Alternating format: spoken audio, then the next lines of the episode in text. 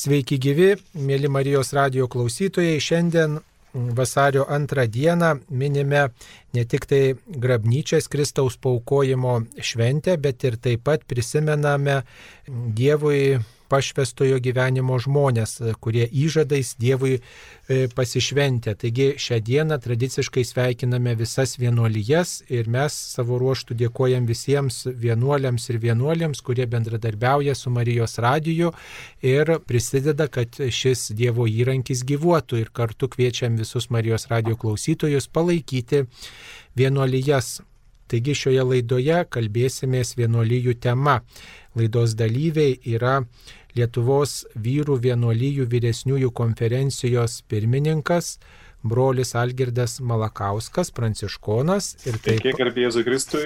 Per amžius amen. Ir taip pat šioje laidoje dalyvauja Lietuvos moterų vienuolyjų aukštesniųjų vyresniųjų konferencijos sekretorius sesuo Gražina Dapšauskytė. Garbėzu Kristui. Per amžius amen. Taigi, pirmiausiai gal toks būtų klausimas, mėly laidos dalyviai, kokia yra padėtis Lietuvos vienuolyjų, jūs štai vyrų ir moterų vienuolyjas Lietuvoje gerai pažįstate, kaip atrodo, kokia yra visa ta mūsų vienuolių bendruomenė Lietuvoje, kaip galėtume apibūdinti ir trumpai pristatyti galbūt e, vyrų ir moterų vienuolyjas. 41 kongregacija yra, o iš viso amžinųjų įžadų e, seserų vienuolių yra 501 Lietuvoje. Koks amžiaus vidurkis yra vyrų ir moterų vienuolijose? Na, nežinau, tokios statistikos kažkodėl neturime, koks amžiaus vidurkis būtų, bet jis yra, na, pakankamai toks, na, brandus, taip pasakyčiau sakyčiau, turbūt vyrų, vyrų vienuolijų yra 14 Lietuvoje, Tai būtų bazilijonai, dominikonai, įsikūnijusio žodžio kongregacija, jėzuitai, pranciškonai kapucinai, marijonai, pranciškonai konventualai, mažesniai broliai, tai ir mes, salėsdiečiai, šventojo nuo broliai, jonitai, švento pranciškaus ksavero brolyje, Tiberiados broliai, bei taip pat broliai karmelitai. E, yra virš šimto vyrų vienuolių ir amžius, sakyčiau, toks vidutinis galbūt yra.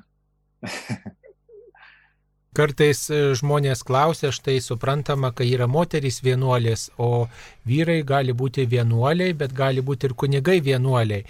Koks būtų skirtumas tarptų kunigų e, vienuolių ir tik vienuoliai? Kaip čia taip atsitinka, kad vieni yra tik vienuoliai, o kiti štai tampa ir kunigais vienuoliais? Nu, savai mes suprantama, sakykime, kad ir aš pats prieš vat, 25 metus, kai dariau tą sprendimą tapti pranciškonu, man buvo neatsiejama taip pat būti ir kunigu. Nes dar tarybiniais laikais, būdamas mišių patarnautojų, telšių katedroje, mačiau taip pat labai gražių pavyzdžių ir kunigų, tai ir, nežinau, tikrai e, amžinos atminties vyskupas Antanas Vaičius, kiti kunigai. Ir po to jau jaunystėje savo sutikau atgimstančius pranciškonus, dar pogrindį, bei taip pat kretingoji, kurių pavyzdys taip pat mane patraukė. Tai kai aš pats dariau savo sprendimą savo gyvenime, kuo būti, man buvo savaime aišku, kad aš noriu būti ir brolių pranciškonų, gyventi bendruomenėje, bet taip pat ir kunigų. Bet mūsų tarpe taip pat yra ir tų, ir pranciškonų vienolyje pasižymi tuo, daugelis vienuolynų, jog taip pat vienolyjose yra ir broliai kurie renkasi būtent tokį pašaukimą, jie tiesiog nesirenka būti kunigais, kad ir mūsų vat, brolyjoje pranciškonų bendruomenė yra du diakonai pastovėjai ir yra taip pat vienas brolis nekunigas. Savai mes suprantama, kad tie, kurie yra nekunigai, jie tada įgyja kažkokią tai profesiją ir kažkokiu būdu taip pat ir užsidirba duoną ir tarnauja bendruomeniai bei bažnyčioj. Mielas sesė, galbūt galėtumėt štai pasakyti, kaip štai įsirenka iš tokio didelio skaičiaus moterų vienuolyjų, įsirenka tapti būtent vienos ar kitos kongregacijos seserimi. Tai iš tiesų, kada yra nemažas skaičius vienuolyjų, tai stojančiai gali būti klausimas, tai kokią dabar vienuolyją man pasirinkti. Bet manau, iš vienos pusės tai yra, na ir tam tikras Dievo vedimas, pavyzdžiui, aš pati, kai pasirinkau ir kodėl pasirinkau, įstojau, tiksliau gal ne pati pasirinkau, bet pašaukė mane viešpats į šitą vienuolyje, tai yra švenčiausios mergelės Marijos nepaliaujamos pagalbos švento Pranciškaus, nes aš daugiau bendravau su tomis seserimis. Jos gyveno ir gyvena netoli ten, kur aš gyvenau. Tai gali būti, kad ir dabartiniais laikais jaunuolės, merginos, kurios girdė tą kvietimą tapti vienuolėmis, bendrauja, mato kažkokius pavyzdžius savo aplinkoje ir būtent tada pasirenka būtent šitą vienuolyje, bet gali būti ir, ir yra tikrai taip, kad, na, pabando gyventi, pabūti vienoje vienuolyje ir kitoje ir pamato, kuri yra, na, artimiausia jų būdui, kuri charizma yra artimesnė. Tai va, tai turbūt būna toks pasirinkimas, bet iš vienos pusės tai yra taip, tai yra viešpaties kvietimas ir yra svarbu na, girdėti širdyje ir atsiliepti į jį. Jūs esate vienuolyjų vyresniųjų konferencijos atstovai. Kokie yra klausimai, kuriuos aptarėte, kuriuos reikėtų prisiminti šiandien ir e, aptarti, kur, kurie galbūt yra bendri visoms vienuolyjoms, kaip jums atrodo, kurie tokie opiausi klausimai?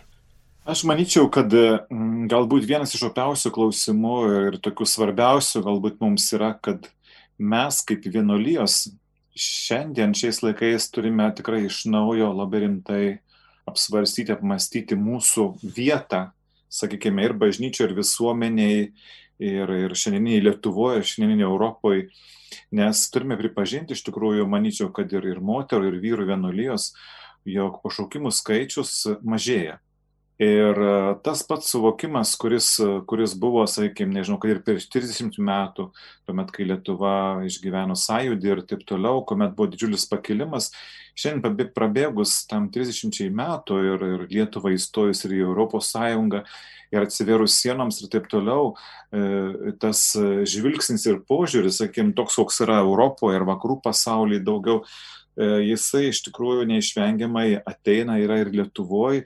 Mes matome tas tendencijas taip pat ir visuomeniai, sakykime, ir tos liberalios mintis, ir ultraliberalios ir taip toliau. Tai neišvengiamai liečia ir, ir mūsų jaunus žmonės. Ir visuomenė yra tokia, kokia yra, mes kai kurių procesų tiesiog negalime įtakoti. Bet manyčiau, kad vienolyjos visuomet pasižymėjo tuo, jog jos atsiliepdavo į iššūkius Ir dažniausiai vienuolijos tikrai būdavo tos, kurios greičiausiai reaguodavo ir stengdavosi atliepti Evangelijos žinę visuomeniai. Tai manyčiau, kad bent jau žvelgdamas iš savo, iš savo perspektyvos, kad šiandien iš tikrųjų vienuolijoms, manyčiau, kad ir vyrų, ir moterų tikrai yra didžiulė užduotis persvarsyti, mąstyti pašaukimą šiandienos žvilgsniu. Iš tiesų, ką reiškia šiandien būti pašvestuoju broliu arba seserimi šių dienų visuomeniai, nes dažnai tas, tas seni tie bėgiai, kaip pasakyti, arba tas senas važiavimo būdas, kokiu buvo gyventa, nežinau, prieš 50 metų ir taip toliau, jis tiesiog nebeveikia ir savaime nebėra suprantama, jog yra gėris, nežinau, būti pašvestu ir taip toliau. Iš tiesų, mum, mūsų gyvenimu reikėtų naujai prabilti apie tai kalba, sakykime, ir popiežius, apie tai aš tiesiog matau, bendraudamas ir su jaunais žmonėmis, kad šiandien savame suprantama nebėra, net išėjus į gatvę, apsirengus abitur ir taip toliau, tai nelabai daug ką bekalba iš tiesų. Bet naujai atrasti tą artumą, būti su žmonėmis, e, naujai, kad prabiltų Evangelija, tam reikalingas iššūkis, sakyčiau, tam galbūt yra reikalingas ir atsivertimas mūsų tiesiog na, naujas atsivertimas į tą gyvenimą, už kurį mes patys esame kažkada tai duodami įžadus apsisprendę. Ką sesuo pasakytų apie šitus iššūkius ir tuos bendrus tokius vardiklius visų moterų vienuolyjų? Tai labai panašiai tą, ką sakė ir brolis Algis apie tos visus iššūkius ir apie tai, kaip būti tuo, tuo ženklu šiandieniniai visuomeniai, kuri yra skirtinga negu buvo prieš 50 ar 30 ar galiausiai prieš 20 metų. Ir tikrai tas yra svarbus mūsų pačių tam tikras atsivertimas ir mūsų pačių pašaukimo išgyvenimas su džiaugsmu. Man labai patiko, va dabar neseniai perskaityta tokia mintis, kad kada mažėja pašaukimų, kada yra tam tikri iššūkiai, kad būtent vienolyjos ir, ir vyrų, ir moterų, jos turi tapti tokiu raugu visuomenėje. Nebūtinai turi būti daug, bet jis turi būti labai geras. Tai va tai čia, man atrodo, mums visiems ir visoms yra iššūkis būti tokiu raugu. Nesustoti vienoje vietoje, džiaugti savo pašaukimu ir su, tikrai savo pašaukimą su džiaugsmu išgyventi. Teko e, girdėti, kad, e, nežinau, prieš kelis metus visos vienolyjos netgi savo naujokus, naujokės rengdavo bendruose namuose, e, rengdavo tokius bendrus susitikimus ir tą bendrą tokią formaciją. Ar tas dar tęsiasi Lietuvoje dabar?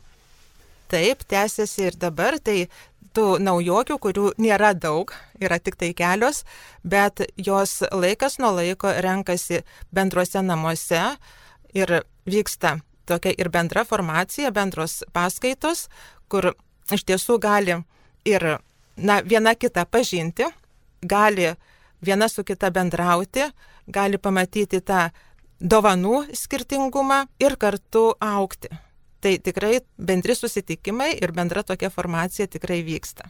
O vyrų tai vienuolijos. Iš tikrųjų, tokių bendrų susitikimų nedaug turim naujokų, bet gal kada, jeigu bus, jeigu Dievas duos, galbūt ir darysime. O kaip perskaito šitus laiko ženklus ir kaip atsiliepia, vat, pavyzdžiui, vyrų vienolyjos į šito laikmečio ženklus, ypatingai šitą COVID pandemiją, galbūt yra kažkokių ženklų per visą Lietuvos vienolyjų tinklą, galbūt yra kažkokių iniciatyvų, apie kurias mes net nieko ne nežinome. Numanyčiau, galbūt, kad viena iš tokių tikrai gražiausių iniciatyvų, pavyzdžiui, kad Tiberiados broliai pasisiūlė ir tarnavo kaip savanoriai Vilniaus santaros klinikose. Pavyzdžiui, kad ir, ir mūsų broliai, pranciškonai kai kurie, vienas iš mūsų brolių, brolis, brolis Arūnas Peškaitis, jisai per ir pirmąjį tą karantiną pavasarį ir dabar rengia kasdieną arba, sakim, kas keletą dienų gerų žinių tokią porciją nes sakykime iš iš žiniasklaidos mes dabar girdime labai daug tokių neigiamų žinių kad sakykim ištisai yra nežinau pandemija pandemija pandemija tarsi nebeliko nei kitų gyvenimo sferų nebeliko nei kitų ligų yra vien tiktais covid ir taip toliau. Tai brolis arūnas iš tiesų rengia iki šiol iš, ir iš viso pasaulio, ir iš Lietuvos tokia gerų žinių porcija, dešimt, pavyzdžiui, gerų žinių. Išsiunčia e, arba elektroniniu paštu, arba, arba per Facebooką. Taigi tokia iniciatyva. Taip pat yra daug rekolekcijų, kurias, kurias rengia. Pavyzdžiui, kad ir mūsų, mūsų broliai arba ir girdėjau ir kiti iš tiesų labai aktyviai užsima konsultacijomis e, su žmonėmis, sakykime, ir telefonu, ir, ir per Zoomą, ir kitom socialiniam priemonėm, nes to bendravimo žmonėms labai trūksta iš tiesų ir jo labai reikia. E, bažnyčia e, ir poreikis bažnyčiai, sakramentams, dvasiniam gyvenimui niekur nedingo, o kai žmonės yra atribuoti, tai iš tiesų yra tikrai negerai.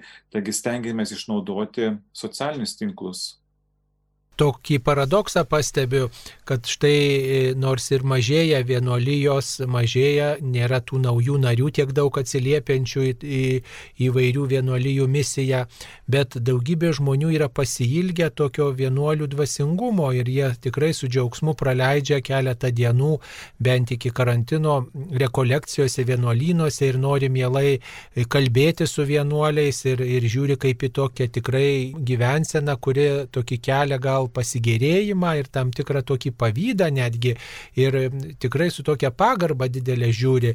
Tai viena vertus žmonės nenori atsiliepti, bet kita vertus labai noriai naudojasi vienuolynų vaisiais. Ką apie tai galėtume pasakyti? Sesė, jūs palydite turbūt daugybę žmonių ir rekolekcijose dalyvaujate, galbūt pastebite tą tokį didžiulį alkį, su kuriuo susiduria štai vienuolyjų žmonės ir tokį didžiulį poreikį bendrauti su vienuoliais ir, ir žavėtis tuo neturtų, klusnumu, skaistumu, kuriuo vienuolynai gyvena. Taip, iš tiesų toks poreikis yra ir dvasiniams pokalbėms, ir rekolekcijoms. Tai manau, kad nebūtinai tai reiškia, kad e, tas, kuris arba tos, kurios ateina e, kalbėtis, kurios ateina į rekolekcijas, ar tie, kurie ateina į rekolekcijas, kad jie būtinai turėtų rinktis pašvestojo gyvenimo kelią. Bet tai rodo, kad na, kiekvieno žmogaus širdyje yra įrašytas tas troškimas. Troškimas atsiliepti Dievo kvietimui, troškimas eiti link jo. Tai tai, kad ateina į vienolyjų namus ieškodami pokalbio ar ieškodami tokios tylos susikaupimo, tai rodo ir tam tikrą kelią, jų ieškojimo kelią. Tai yra tam tikras procesas. Tai galbūt kažkas atranda e, būtent šitą pašaukimą atpažįsta, galbūt kažkas atpažįsta pašaukimą šeimos gyvenimui, ar atpažįsta, kad dar kol kas reikia laukti, dar kol kas net pažįsta, tai manau, kad taip yra. Ir jeigu kalbant apie dabartinį laiką, čia brolis Algis kalbėjo, kaip vyrų vienolyjos atsiliepė iš šitos iššūkius. Tai moterų vienolyjose taip pat buvo įvairių iniciatyvų ir yra galima susitikti na, telefonu ar technologijų pagalba su seserimis pokalbiui, kas yra tikrai labai svarbu šiuo metu, kada žmonės yra na, tam tikrą prasme apriboti. Taip pat irgi yra ir tokių iniciatyvų, pavyzdžiui, Dievo vaizdo seserys vis ruošia tokius ryto pokalbius su kava, kur irgi buvo nemažai tokių peržiūrų, kur gali ir dvasiškai atsigauti ir taip pat pamatyti, su kokiu džiaugsmu seseris gyvena. Manyčiau, tam, kad, kad iš tiesų mūsų, mūsų gyvenimo būdas taptų tikrai patrauklesnis, tikrai, vat, kaip, ir, kaip ir kalbėjom šiek tiek anksčiau, mums yra reikalinga labai rimtai per, persvarsyti mūsų vietą iš tiesų bažnyčioje ir, ir, ir visuomenė, ir pasaulyje ir taip toliau. Ir, ir manyčiau, kad buvo gera knyga Andrė Frosaro, kuri yra apie svarbesniuosius vienuolių ordinus, jos pavadinimas yra Žemės druska. Iš tiesų, jeigu vienuolijos nebus druska, tai kaip ir Jėzus sako Evangelijoje, kam tada tokia druska, ją tiesiog už reikia išmesti, sumindyti, kaip čia pasakyti. Todėl manyčiau, kad Europoje ir, ir Lietuvoje vienuolijos jos yra svarbios ir tas domėjimas iš žmonių ir tai, kad, sakykime, į mūsų parapijas ir prie mūsų vienuolynų žmonės mielai ateina, e, renkasi ir, ir dalyvauja e, veikloje, bet tam, kad, kad jauni žmonės taptų mūsų nariais, tikrai reikalinga mums iš naujo tapti tą žemės druska, įgyti surumo. Dar kartą sugrįžti vėl prie to, kokie yra mūsų įžadai - skaistumas, neturtas, paklusnumas, kuo ištikimiau mes jų laikysimės ir, ir kuo mes labiau būsime druska, tuo mes e, įgysime daugiau surumo ir būsime patrauklesni kitiems, manyčiau, ir jauniems žmonėms rinktis. O tai vis tiek per tuos metus manau, kad vienuolijos ir laikėsi tų įžadų buvo ir neturto klusnumo ir skaistumo tokios sekėjos arba gyvenot pagal tuos įžadus, kur čia yra problema, kad e, gal jaunimas nenori įsipareigoti, gal nori tik tai džiaugtis e, tais vaisiais, kuriuos duoda vienuolinis gyvenimas, džiaugtis tuo, tuo gražiu pavyzdžiu, žinoti, kad kažkas meldžiasi už juos, galbūt nelaimė ištikus, bet patys štai už tokį radikalų gyvenimo būdą neapsisprendžia, gal čia apie tai gali būti. Manyčiau, aišku, sakim, jeigu taip žvelgiant į pašvestą gyvenimą Lietuvoje, čia, sakykime, psichologija apie tai puikiai kalba, apie tą vadinamą tokią viduramžio krizę, ne, kuomet galbūt žmogaus gyvenime iškyla tokia krizė, kada žmogui yra tarp 40 ir 60 metų ir, ir žmogus tarsi daugelį dalykų yra pasiekęs ir, ir tarsi tai, ko jisai siekia jaunystėje, atrodo viskas yra įgyvendinta ir, tarsi reikalinga perkau, perkainuoti naujai ir, ir vertybės, ir, ir naujai tarsi suvokti, kokia tolimesnio likusio gyvenimo prasme. Aš kartais pagalvoju, kad ir, ir mūsų pašvestasis gyvenimas, ar galbūt ir, ir katalikų bažnyčios gyvenimas, ar bendrai, sakyčiau, net ir krikščioniškų bažnyčių gyvenimas Lietuvoje taip pat išgyvena po tų 30 metų nepriklausomybės tam tikrą tokį viduramžį kuomet atrodo daug dalykų pasiekta, įsitvirtinta ir visuomenėse, liktai ir įsipatoginta, ir pastatai pastatyti, ir galbūt renovuoti, ir atnaujinta viskas. Ir atrodo visas gerbavis kaip ir sukurtas, galbūt ir, ir tas ratas žmonių aplinkui yra nu, susibūręs tų draugų ir taip toliau, bet liktai atrodo viskas yra patogu ir, ir išsilaikom ir gyvenam ir, ir liktai ir įdomus esam žmonėms ir, ir visuomenė ir taip toliau, bet, bet liktai yra dingęs tas kaip ir iššūkis toks galbūt. Iššūkis ir tam tikrą prasme jaučiu, kad, kad liktai esame galbūt tapę patogus ir malonus patys savo, o sakykime visuomenė yra pasikeitusi ir, ir Ir, ir, daugelį žmonių net ir, sakim, Evangelija kaip ir nebekalba, tarsi, ką ta Evangelija gali, gali naujo pasakyti. O Evangelija iš tiesų yra tokia žinia, geroji naujiena, kurios aktualumas niekada nepranyksta. Ir, ir manyčiau, kad jeigu mes kaip pašvestieji Lietuvoje ir Europoje iš tikrųjų naujai nepermastysime ir Evangelijos tos svarbos šiandieniam žmogui ir, ir savo pačių vietos galbūt ir išdysim kažkaip išeiti iš to įsipatoginimo, iš tiesų galbūt bus tokia diena, kada net ir tiems, kurie mūsų supa ir mūsų bendruomenių žmonėms mes galbūt nebebusime iš tikrųjų aktualūs arba įdomus ir jie galbūt pasuks kitais keliais. Tai manyčiau, kad čia yra toks signalas mums visiems, kad mes visi ir katalikų bažnyčia Lietuvoje, ir, ir, ir parapijos, o ypatingai vienuolinės bendruomenės, turime iš tikrųjų naujai permastyti savo vietą ir, ir, ir kiek mums patiems Evangelija yra svarbi, kiek mes patys tikime gerąją Evangelijos žinę, kad jinai gali mane perkeisti, gali padaryti naujų žmogumi ir jeigu tai keičia mane, tai neišvengiamai aš galiu tą žinę perduoti ir kitam. Gal seseris kažką tokio irgi turi pasidalinti? Tai pirmiausia irgi permastyti, kas man yra svarbu, kuo aš gyvenu, kiek yra ta Evangelijos žinia man svarbi. Bet iš kitos pusės taip pat sakyčiau, kad yra svarbu, na, ir turėti tokią viltį, e, su viltim žvelgti į dabartį. Viename susitikime arkiviskupas Karbalijo yra sakęs su tokia viltimi ir su padrasinimu mums, kad dabartinis laikmetis ir vienuolyjoms gali būti kaip žiema bet žiema yra labai svarbi augalams, kad jie auktų. Jie turi apmirti. Bet, kaip sakė, yra svarbu, kad būtų šaknis veikos. Tai jis palygino būtent, kad dabartinis tas laikas vienuolyjams irgi gali būti kaip žiema, kaip tam tikras nu, apmirimas, bet yra svarbu, kad šaknis išliktų sveikos. Tai va tai čia tai, ką sakė ir brolis Algis, kad yra svarbu vėl iš naujo atpažinti ir užsidegti tuo pašaukimu, atrasti vėl tą, tą pirmąją meilę, su kuria mes kiekvienas ir kiekviena atėjome į pašvestą į gyvenimą, vėl išgirsti. Bet tam čia reikia nu, vėl ir permastyti, ir kiekvieną dieną vėl iš naujo ir iš naujo apsispręsti, kad iš tiesų to šaknis būtų sveikos. Ir kad peržiemoje vėl galėtume, na, kaip pasakyti, e, sudygti svarstant apie pašaukimus, iškyla dar viena tokia detalė, kad štai katalikiškos net šeimos, jau nekalbant apie nekatalikiškas netikinčių žmonių šeimas, labai sunkiai išleidžia savo vaikus į vienuolynus. Ir tiesiog kartais net ir save tikinčiais vadinantys žmonės prieštarauja tokiam keliui. Kaip tai gali būti, kad štai krikščionys tėvai nepritarė tokiam gyvenimo savo pasirinkimui ir kartais tikrai atkalba savo vaikus, kad tokio kelio nesirinktų. Ar teko apie tai su, su tuo susidurti jums? E, taip, tikrai teko susidurti, teko susidurti ir, ir, ir pažinti, sakykim, keletą mūsų brolių, tėvų, kurie labai sunkiai, būdami, sakykim, ir labai tikintis ir praktikuojantis katalikai, bet labai labai sunkiai išgyveno savo, sakykime, vaikų, savo sunų tapimą pašvestaisiais, sakykim, broliais. Ne?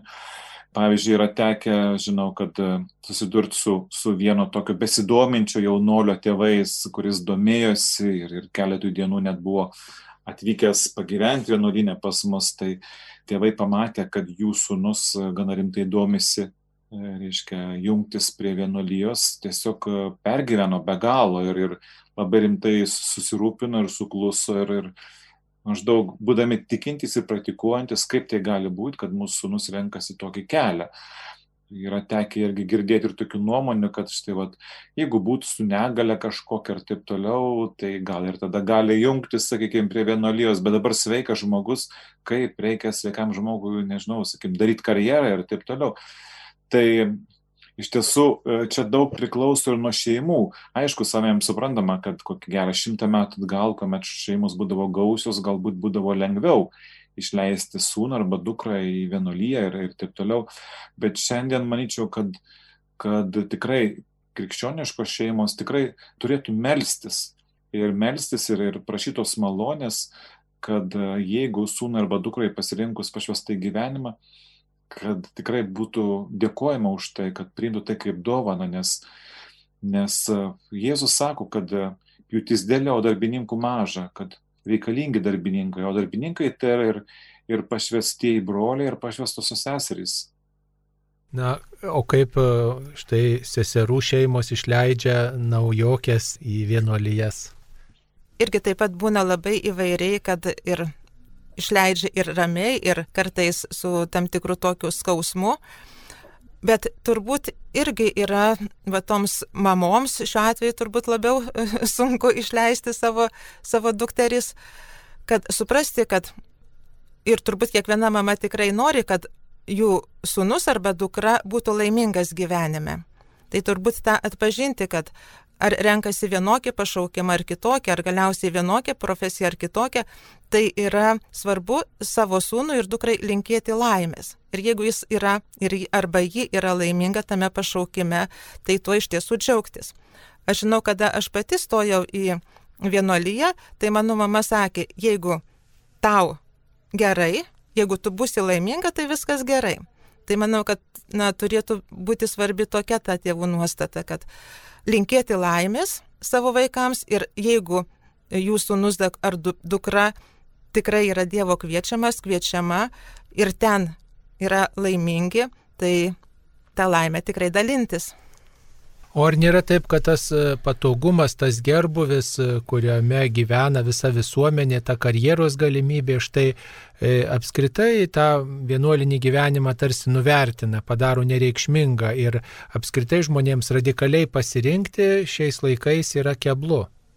E, aišku, mes galim pastebėti, kad tos dvasingumo paieškos visuomenė jos vis tiek vyksta, sakykime, klesti, nežinau, jogos klubai ten ar, ar įvairiausi, reiškia, ten, sakykim, samoningumo judėjimai ir taip toliau. Ir, ir žmonės, sakykime, net aš susiduriu, kad kartais aukoti už kažkokią taip parapijos stovyklą ar taip toliau, net kai ją veda, sakykime, kažkoks labai tikrai, sakykime, žymus ar dvasininkas ir taip toliau būna sudėtinga, o štai stovyklos, jogos įvairios stovyklos, jos kainuoja šimtais net tūkstančiais eurų ir jos dažniausiai būna užpildytos. Tai, sakykime, aišku, tai, kad žmonės ieško dvasingumo, tai turbūt bus visada, bet manyčiau, kad galbūt mum yra tokia užduotis, kad naujai sugrįžti, naujai patiems įvertinti tą dvasingumą, kurį turi mūsų bažnyčia, sakykime. Ir, ir tai gal kartais, kartais mes patys to neįvertinam ir, ir tas gerbuvis jisai lyg tai, tai kaip pasakyti, uždengia, lyg tai paslėpia tą, tą dvasingumą tos daigus, kurie, ačiū Dievui, vis tiek prasimuša mūsų bažnyčioje ir, ir, ir dažniausiai prasimuša per šventus per šventus ir, ir, ir, ir pasauliečius, ir pašvestuosius asmenys. Tai tikrai norisi palinkėti mums patiems, mūsų vienuolijom, iš tikrųjų to, to grįžti prie šaknų, grįžti prie, prie tų mūsų dvasingumo ištakų ir kuo iš tikrųjų mumise pačiose trykš daugiau to dvasingumo, tuo manyčiau, kad e, labiau atliepsime ir visuomenės tą poreikį, kuris e, poreikis dvasingumui jis tikrai nėra išnykęs kaip galėtų dar geriau grįžti prie tų šaknų arba tas grįžimas būti toks labiau matomas, komunikuojamas, kad štai vienuolijos brangina savo įkūrėjus ir brangina savo tas tradicijas, galbūt apie tai tiesiog visuomenė nežino, gal tikrai kiekviena vienuolyje sėdi prie savo ištakų, prie savo įkūrėjų ir, ir tiesiog apie tai nu, nekalba, apie tai visuomenė net nežino, kad štai vienuolijos brangina savo kelią. Savame suprantama, reikalingas yra tas komunikavimas. Dabar stek bažnyčia labai stipriai išnaudoja ir šiomis karantino sąlygomis, sakykim, socialinius tinklus ir transliacijas ir veda ir, ir paskaitas ir taip toliau. Čia nuo amžių, sakykime, kad, kad vienolijos jos ieškojo tų naujų būdų, naujų galimybių, naujos evangelizacijos, kaip pasiekti žmonės. Šiandien nauja evangelizacija yra tos naujos technologijos priemonės, kurias mes turime išnaudoti ir sakykime, kad, kaip minėjau, tas įsipatoginimas iš tiesų jisai tikrai vaisių net neš. Vaisių atneš tik tai išeimas iš savęs, sakykime, ta, ta auka, taip kaip ir Jėzus, jisai išėjo iš savęs tam, kad, kad apreikštų tėvą, kad apreikštų trejybę. Jisai, jisai buvo atviras kitiems, ištiesi savo rankas net ant kryžiaus. Tiek, kiek mes irgi atiduosime save iš tiesų kitiems, dalinsime savo gyvenimais, savo dvasingumu, tiek mes pakelsime tą dvasingumą ir visuomeniai. Na, dar viena tema gali būti tai tokia ta įvairovė, viena vertus tai yra tam tikra dovana, kad štai įvairūs įkūrėjai, įvairios tradicijos, bet kita vertus toks truputėlį ir susiskaldimas ir tam tikra tarsi ir konkurencija pastebima tarptų vienuolyjų, tarptų vienuolyjų veiklų. Vis tiek ta, ta veikla iš esmės yra panaši daugelio vienuolyjų, iš esmės vienuoliai atlieka beveik tas pačias funkcijas įvairiose parapijose, įvairiose bendruomenėse, bet priklauso skirtingoms tradicijoms. Tai galbūt vat, brolių stačiatikių ta patirtis, kad yra tik vyrų vienolyje ir moterų vienolyje apskritai, bet ten kažkokių tokių papildomų, tokių kažkokių priedų, kaip pasakyti, kaip čia apibūdinam, kad vieni priklauso vienai vienuoliškai šeimai, kiti kitai. Galbūt ir tai gali būti ateitis, kaip manote, vyrų ir moterų vienolyjose katalikų bažnyčioje. Kad yra kažkokia konkurencija ypatinga ar kažkoks susiskaldimas, Nes e, galbūt taip, pačioje nepriklausomybės pradžioje gal buvo tokia baime ir ypatingai, kada buvo kalbama apie tai, kad pradėti na, tą formaciją tokią bendrą organizuoti, bendrus kursus novicijoms, kad kaip čia atrodys, tai galbūt pradės vienolyjos vienos kitas vilioti, bet iš tiesų taip neatsitiko ir dabar tikrai matome na, ir tarp vienolyjų gražių pavyzdžių, kada skirtingų vienolyjų seseris labai gražiai bendradarbiauja įvairiose veiklose e, savanorystėje. Tai kad tas yra skirtingumas vienolyjų, tai yra vėlgi yra nudovana. Dovana, nes skirtingi įkūrėjai yra, šiek tiek skirtingi dvasingumai yra, na manau, tas skirtingumas yra dovana ir tai nėra, na, kažkoks tai susiskaldimas, bet yra labai gražus bendradarbiavimas. Tai pavyzdžiui, ne vienose rekolekcijose palydi skirtingų vienolyjų seserys ir jos labai gražiai tarpusavyje bendrauja. Tai irgi ta bendrystė, kurią paskui mato e, dalyvaujantis, na, šiuo atveju, sakykime, rekolekcijose, gali matyti, kad tas skirtingumas, ta įvairovė veda į tokį, į bendrą pasišventimą kad tai nėra kažkokia tai, na, konkurencija, kad tai nėra susiskaldimas. O jeigu kažkurioje vienolyjoje mažėja narių, tai vėlgi galima priimti kaip tai, kad ta misija, kuri buvo skirta tai vienolyjei, kad ta misija jau yra atlikta kaip yra vyrų vienuolijų tas bendradarbiavimas ar kažkoks toks vienijimasis? Ar... Jo, mes irgi iš tikrųjų renkamės, bent jau stengiamės vieną kartą metuose susirinkti kaip vyrų vienuolijos, vienuolijų konferencija, tačiau to bendradarbiavimo ir aš, tai pavyzdžiui, kad ir Tiberiados broliai, jie stengiasi bent keletą kartų metuose organizuoti ūkdymo seminarus savo, savo vienuolynę. Taip pat esam buvę susibūrę ir mes pranciškonai, sakykime, pranciškonai konventualai, kapucinai vieną kartą mūsų organizuotose tokiuose palapinių kapitulos dienuose. Taigi, sakykime, taip pat būna kartais, kad ir kandidatai, tie, kurie ateina į vieną vienuolyje, jie pabūna ir, ir galbūt mato, kad, kad čia ne jų kelias, tada pasiūlom į kitą vienuolyje ar, ar taip toliau. Kažkur tikrai tokių atvejų yra buvę ne vienas tarp mūsų vienuolyjų. Tai tas bendradarbiavimas vyksta, galbūt jis galėtų būti ir didesnis kažko, bet, bet jisai vyksta ir, ir kiekvieną kartą, kai susitinkame, e, nors mūsų vienuolijos yra skirtingos ir kurie yra skirtingi, bet galiausiai vis tiek tikslas yra tas pats e, - Evangelija, Jėzus, tai tu susitinki ir tu jauti, kad tas gyvenimo būdas jis vis tiek yra daug kuom ir panašus. Tai tame yra toks džiaugsmas ir stiprybė ir kiekvieną kartą, kai sutinki, sakim, kitos vienuolijos ar ordino broliai ir seserį, iš tiesų tai tave patį sutvirtina, nes tu žinai, kad ir jis gyvena tais pačiais džiaugsmais, tais pačiais sunkumais, kuo ir aš gyvenu. Ir, ir jeigu jau jis, sakykime, išbūna daugelį dešimtmečiais ir taip toliau, ypatingai galbūt sustiprina vyresnėji mūsų, sakykime, broliai ir seserys, e, iš tiesų tu suvoki, kad jo gyvenime buvo visko buvo džiaugsmo, buvo gražių akimirkų, buvo tų, kurie jį gyrė, kurie džiaugiasi, kurie galbūt atrado ir tikėjimą, brolį ar sesers tikėjimą, bet tikrai buvo ir tų akimirkų, kuomet norėjusi viską mesti, kuomet galbūt buvo ir, ir jausmo, ir įsimylėjimo akimirkų, bet e, tai priimi kaip įžada, kad tu sąmoningai pasirinkai iš tiesų savo vienuolinį kelią ir taip toliau ir supranti, kad, kad tame kelyje yra ir meilės, yra ir kryžiaus ir, ir viską sudėjus iš tiesų dėkoju Dievui, kad, kad ir jis, ir jo pavyzdys, ir tu šiandien gali tai gyventi galbūt su džiaugsmais, su skausmais, su šlubuodamas kartais, o kartais galbūt ir, ir bėgdamas, lėkdamas didžiuliu greičiu, Nes gyvenime yra visko. Manyčiau, kad ir yra paštalai, ir pirmosios krikščionių bendruomenės tikrai išgyvena įvairiausių dalykų.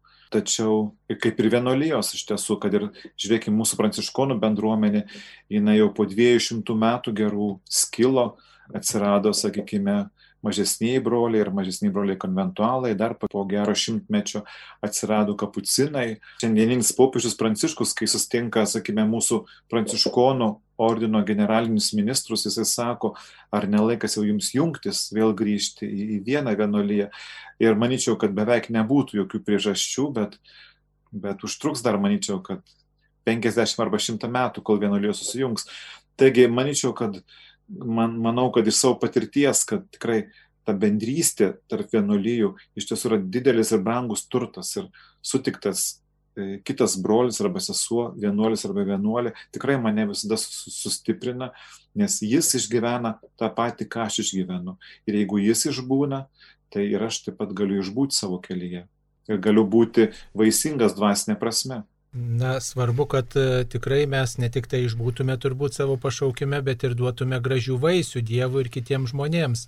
Atrodo, tas e, vaisių davimas yra matomas visuomeniai, vienuolijos patarnauja, bažnyčioje patarnauja visuomeniai įvairiose srityse, tačiau nepaisant to turbūt sklando daug įvairiausių mitų apie vienuolinį gyvenimą ir e, paklausti jauni žmonės turbūt daug ko nežino apie vienuolijas, apie jų įvairovę, apie jų tarnystės, apie jų tą gyvenimo būdą. Galbūt per mažai vienuolinės bendruomenės eina į tuos žmonės, bendrauja su tais jaunais žmonėmis, kurie yra kryškelėse, kurie gundomi karjeros galimybėmis. Galbūt per mažai yra tuose karštuose taškuose, kur įvyksta tie pasirinkimai, kaip Jūs manote. Na, nežinau, kiek apie tuos karštuosius taškus, kad šiaip tai iš tiesų to bendravimo yra, juk yra ir mokyklos, tai yra ir Pranciškono gimnazija, ir Jėzuitų gimnazija, ir Marijono gimnazija, ir, ir, ir seseris asumcionistės bendradarbiauja ir dirba Vilniuje, taip pat palaimintojo Teofilio Vatulionio gimnazijoje. Taigi tai yra progų būti kartu su jaunais žmonėmis. Taip pat yra bendravimas per įvairius socialinius tinklus. E, nežinau, kiek yra ta svarbi dar kažkokia tai reklama.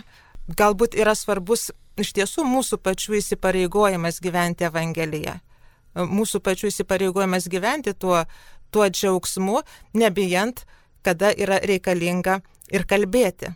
Nes kaip Pranciškus Asižėtis yra sakęs, visada skelbk Evangeliją, jeigu reikia, naudok ir žodžius. Gal dar pridėtų brolis kažką daugiau, kaip apie tą žinomumą, dalyvavimą įvairiuose, įvairiuose kontekstuose, tarnystę. Kaip pasakyti, čia reikalingas tas kūrybiškumas, sakykime, kad kūrybiškai kalbėti, kalbėti laiku ir nelaiku galbūt tiesiog apie Evangeliją ir manyčiau, kad galbūt kuo daugiau mumise bus to, to autentiškumo tokio, sakykime, galbūt mažiau to noro, nežinau, deklaruoti save kažkaip ar taip toliau. Manyčiau, kad šių dienų visuomenė yra tokia, kuri labai tikrai bijo tos tokios pozos, to, to fasa, fas, fasadiškumo vien tik tais ir, ir ieško iš tikrųjų to tikrumo. Todėl manyčiau, kad ir vienuolijoms yra labai svarbu iš tiesų tikrai vengti galbūt tos tokios pozos pasirodymo dirbtinio bet ieškoti iš tikrųjų to tokio autentiškumo, kad kartais galbūt ir nesiekdami kažkaip save parodyti ar atskleisti, bet jeigu tarnausime Evangeliją ir stengsimės parodyti Evangeliją, manyčiau, kad, kad Evangelija visada atves ir, ir, ir, ir į bažnyčią, ir prie šventųjų, mūsų įkūrėjų ir taip toliau. Tai manyčiau, kad yra labai svarbu šiandien tikrai vengti tos tokios pozos dirbtinės arba to fasado išorinių, bet labai grįžti tikrai prie tų šaknų, prie tos esmės, kuri yra Evangelija, juk nežinau, ar tai būtų Pranciškus Asižėtis, ar Dominikas, ar Tomas Akvinietis, jie visi iš tikrųjų, ar, ar Benediktas, jie siekia gyventi Evangeliją savo laiku, e, savoje visuomeniai ir tikrai davė gražių vaisių. Laidos pabaigai, kaip galėtume apibendrinti štai vienuolinį pašaukimą. Štai galbūt klausosi žmonės, kurie slapta svajoja apie tokį kelią, galbūt niekam apie tai nėra pasisakę, galbūt viešpats kažkokiu būdu juos ir kviečia Ką patartumėt, kaip atpažinti, kad štai galiu būti vienuolis, vienuolė, kad e, viešpats mane kviečia į šitą kelią, galbūt yra tam tikri punktai, požymiai, kurie padėtų e, jaunam žmogui arba ir vyresniam žmogui atrasti savo vienuolinį kelią. Jeigu jau yra jaučiamas kvietimas, tai nebijoti to jausmo, pripažinti, kad taip yra ir tikrai yra labai svarbu tada turėti dvasinį vadovą, kunigą, vienuolį, vienuolę, sesę, arba, arba galiausiai galbūt ir pasaulietį, su kuriuo galėtų kalbėtis. Yra svarbu kalbėtis apie tai, atpažįstant. Ir taip pat nebijoti kreiptis, ateiti į vieną vienolyje ar į kitą vienolyje, į vieną kongregaciją, tiesiog pabūti. Labai svarbus dalykas yra rekolekcijos. Taigi, tai jeigu yra jaučiamas kvietimas, o gal mane kviečia, o, o galbūt yra tas gal. Tai nebijoti to gal, nesgi atėjus ar pabuvus kelias dienas vienolyjose, pabuvus rekolekcijose, pasikalbėjus, juk nėra taip, kad jau, na, kažkaip tai paimtų ir, ir uždarytų ir nebeišleistų atgal sugrįžti į, į savo šeimą ar pas savo tėvus. Bet tiesiog nebijoti to svarstymo, nebijoti pasižiūrėti, o gal iš tiesų tai yra tas kvietimas. Ir kalbėtis. Yra svarbu kalbėtis ir besikalbant, galbūt kitas žmogus irgi padės atpažinti, padės kažkaip tai nukreipti, padės išgirsti tą Dievo balsą. Taip kaip mes šventajame rašte skaitome, kad Samuelis, kuris girdėjo Dievo kvietimą, ėjo pas Elį ir klausė. Ir Elis jam sakė, jeigu išgirsi, tai atsakyk, kalbėk viešpatė tavo tarnas klauso, tai yra nesvarbu kalbėti su kitu ir nebijoti to, kad o gal mane kviečia. Kaip sesė gražina tikrai gražiai priminė tą pavyzdį Samuelio ir Elio iš, iš Senojo testamento. Manyčiau, kad kiekvienas žmogus, jaunas žmogus yra visų pirma kviečiamas į tą tokį tikrą, autentišką gyvenimą. Tikras autentiškas gyvenimas tuomet yra, kai gyvenimas nėra išvaistytas, kai gyvenimas nenueina niekais, kai iš gyvenimo ir viską paėmė ir viską atiduodi. Tai galbūt būtų ir šeimos gyvenimas, ką irgi bažnyčia kviečia, kad e, jeigu, jeigu yra kuriama šeima, kad jinai būtų kuriama tikrai visam gyvenimui. Aš prisimenu, kai pats e, svarščiau savo gyvenimo kelią ir pašaukimą, kai svarščiau, tikrai man buvo būdų e, svarbus ir, ir brangus keliai, ir šeimos kelias, ir pašvestasis gyvenimas, Prisimenu, kai svarščiau kaip variantą taip pat draugystę su kažkokia mergina, tai kažkaip tai pirmieji broliai pranciškonai, kurie atsikūrė kretingoje, tokį mokymą vesdavo, kad sakydavo, jeigu lėties prie merginos, tai turėtum liesis kaip prie tabernakulio, kaip prie švento dalyko. Tai man kažkaip visada buvo, buvo ta mintis tokia svarbi ir brangi, kad jeigu jeigu rinkčiaus e, kažkokią tai gyvenimo draugę, tai turėčiau ją rinktis visam gyvenimui ir, ir nežaisti su ją. Taip pat e, svarščiau, kad jeigu rinkčiaus pašvestą į gyvenimą, taip pat nenorėčiau, sakim, įstoti, truputėlį pabandyti ir taip toliau. Ir norėjau, atrodo, subrandinti savyje tai, kad, kad mano apsisprendimo akimirka, minutė būtų kaip ir amžiniai žadai. Tai iš tikrųjų norėčiau pakviesti tikrai ieškančius jaunus žmonės, kad nebijotumėm tikrai klausti ir prašyti Dievo to tikro gyvenimo, autentiško pašaukimo. Sakykime, jeigu šeima, tai tada iki galo iš, tie, iš tiesų save aukojant mylimam žmogui, šeimai, vaikams ir taip toliau. Jeigu tai yra pašvestas gyvenimas, tai, tai taip pat be išskaičiavimų. Tikrai gyvenimas tarnystėj, gyvenimas Dievui, Evangelijai, kitiems žmonėms, kad jis būtų tikras. Tikrai labai noriu pakviesti jaunus žmonės melstis. Aš pats prieš gerus 25 metus, tikrai, kai jau tas klausimas labai toks buvo nu, aštrus, kokį gyvenimo kelią turėčiau pasirinkti, pradėjau kalbėti rožinį, rožančių, kiekvieną dieną. Ir prašyti, kad Marija parodyk man tikrai mano kelią, mano gyvenimo pašaukimą. Ir tas atsakymas atėjo. Tikrai tikiu, kad kiekvienas jaunas žmogus, kuris tikrai melsis ir klaus Dievo aštriai, koks yra mano gyvenimo kelias, jis tikrai gaus atsakymą. Nes Jėzus sako, prašykite ir gausite, melskite ir jums bus atsakyta. Tai galbūt mes mažai prašome, kad stokojame štai daugelį vienuolyjų naujų narių, kaip manote. Taip, tikrai, tikrai. Turėtumėm grįžti prie tikrai aštrios maldos ir, nežinau, sakykime, nebijoti tikrai Dievo reikalauti, tiesiog tą gerąją prasme, kad Dieve duok mums iš tikrųjų. Tikrai kito kelio nėra. Manyčiau, kad mes turim tikrai melstis ir prašyti. Man įstrigo įstrigo e, toks pavyzdys Lenkijoje, yra tekę būti Poznanėje pas brolius pranciškonus, jie kiekvieną dieną po dieninės maldos liturginės, jie turi tokią maldą už pašaukimus. Ir visi broliai ten vienuolinė, gal 20 brolių buvo ištiesę gražiai rankas ir taip ir, ir vyresnio, ir, ir, ir jaunesni, ir meldžia Dievę, duok mūsų provincijai pašaukimų. Tai man tas vaizdas išliko jau, nežinau, kai 20 metų akise stovi. Iš tiesų mes turim nebijoti Dievo, prašyti, tiesiog pulti ant kelių ir melstis to, galbūt to mes darome per mažai. Arba nelabai karštai.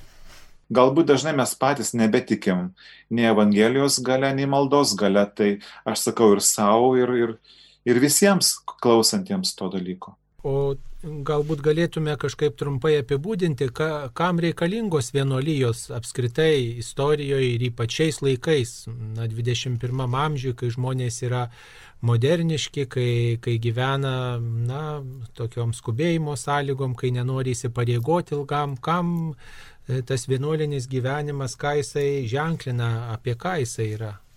Manyčiau, kad vienuolinis gyvenimas yra toks kaip ženklas to, sakykime, kad Evangelija, gyvenimas Evangelija yra rimtas dalykas, nes e, vienuolinis gyvenimas jisai pareikalauja tokio totalaus atsidavimo, galbūt e, simbolizuoja tą rimtumą, rimtumą, kada aš save visą dovanoju ir, ir sakykime, galbūt to džiaugsmo, kurį teikia nežinau, šeimos gyvenimas ar, ar, ar nežinau, sakykime, ir, ir materialinės gerybės, laisvė ta tokia gyvenimo ir taip toliau, kad aš, kad aš tuos puikius nuostabius gyvenime dalykus paukoju dėl tokio regimo ženklo, kad e, irgi galėčiau kitiem paliudyti ir parodyti, kad, kad vien Evangeliją gyventi yra tikrai verta ir kad vien, vien, vien gyventi Jėzumi tikrai yra didžiulė vertybė būti dar arčiau Jėzaus, būti dar arčiau Jo. Pridėkit keletą žodžių, ką reiškia štai e, moteriai nekurti šeimos, o pasišvesti Jėzaus ir kiekviena moteris vienuolė vadinama Jėzaus sužadėtinė. Taip, tai vadinama ir Jėzaus sužadėtinė ir aišku, kiekvienoje merginoje, kiekvienoje moteryje yra tas įgimtas troškimas būti motina, bet šiuo atveju tai būti dvasinė motina, ne tik tai motina na, keliems vaikams, bet daugeliu vaikų per savo pasiaukojimą, per, galiausiai per savo maldą. Ir manau, kad tikrai yra svarbus tas toks autentiškumas tame gyvenime, kad ir suvokimas, kad ne tiek čia aš pasirinkau, kiek aš atsiliepiau į tą kvietimą. Atsiliepiu laisvai, laisvu savo gyvenimu ir čia išgyvenu, išgyvenu su džiaugsmu. Na ir laidos pabaigai, ką palinkėtumėt e, vienuolėm, vyresnėm vienuolėm, kurioms Marijos radijas yra didžiulė pagoda, ką palinkėtumėt vyresnėm žmonėms, kuriems štai vienuolinis kelias visada buvo tokio idealo kelias, nes galbūt vienuolė mokė, vienuolė palidėjo, vienuolė meldėsi, arba štai kunigas vienuolis teikė sakramentus, ar šiaip labai gyvenime patarė. Aš galbūt visų pirma norėčiau padėkoti, nes e, kiek e, mano, sakykim, ir kunigystės metu yra tekę lankyti vyresnio amžiaus žmonių ar su sakramentais ir taip toliau, aš visada iš tikrųjų tikrai išnaudodavau tą progą, kadangi vyresnio amžiaus žmonės e, dažnai tikrai negali išeiti, meldžiasi klausydami radijo arba daug kalba ir rožinį ir taip toliau, vis prašydavau, sakau, pasimelskite už pašaukimus, sakykime, į mūsų vienuolyje arba į vienuolijas, už dvasinius pašaukimus. Ir, ir tikrai aš tikiu, kad daugelis vyresnio amžiaus žmonių, jie tikrai yra daug maldų nusiuntę į dangų pas Dievą, prašydami pašaukimų. ar tai kunigystę, ar į pašvestą gyvenimą, vienuolinį gyvenimą. Tai tikrai labai norėčiau padėkoti visiems vyresnio amžiaus žmonėms, kurie meldžiasi už pašaukimus ir, ir tikrai nebijoti melsis už pašaukimus, nebijoti tikrai ir, ir melsis už savo anūkus ar proanūkius, kad jie pasirinktų tą kelią, nes tas kelias, būdamas nelengvas, būdamas sunkus, kartu iš tikrųjų yra tikrai didžiulio džiaugsmo kelias. Prisimenu kažkada kardinolas Audrys Juozas Bačkis per vienuolių šventę Vilniuje gražiai pasakęs, sako, koks yra pagrindinis bruožas vienuolio vienuolės, sako džiaugsmas. Taigi tikrai noriu palinkėti tikrai visiems mums kaip krikščionims to džiaugsmo ir padėkoti visiems, kurie palaikote mūsų pašvestuosius brolius ir seseris, medžiatės už mus, palaikote ir materialiai. Tikrai Dievas jums tai atlygina šimteriopai. Aš taip pat tikrai noriu padėkoti visiems ir Marijos radio klausytojams, ir jaunesniems, ir vyresniems ypatingai, ir taip pat padėkoti ir mūsų vienolyjų, tiek vyrų, tiek moterų, tiems vyresniesiems broliams ir sesėms, kurie galbūt jau dabar tik tai malda gali palaikyti mus, nes malda tikrai yra labai svarbi. E, kurie melžiasi už pašaukimus, kurie melžiasi už vienuolijas, kurie melžiasi už tuos brolius ir sesės, kurie atlieka dabar kažkokią tai vienokią ar kitokią tarnystę, kurie melžiasi už tuos jaunuolius ir jaunuolės. Tai tikrai dėkoju ir visiems ir linkiu tikrai visiems išgyventi tą savo pašaukimą kiekvieną dieną su džiaugsmu, su dėkingumu ir su džiaugsmu.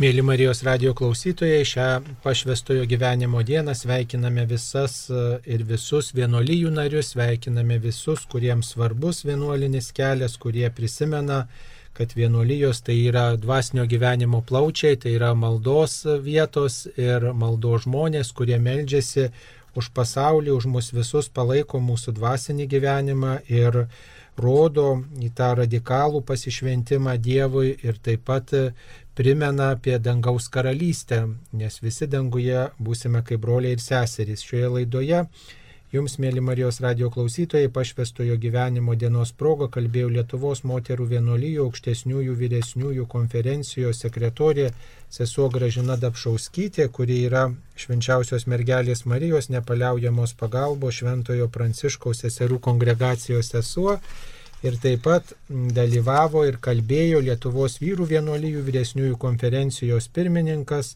Pranciškonas Algirdas Malakauskis, juos kalbino aš kunigas Saulis Bužauskas. Visiems linkime atrasti, ką reiškia su džiaugsmu sekti paskui Kristų, būkite palaiminti.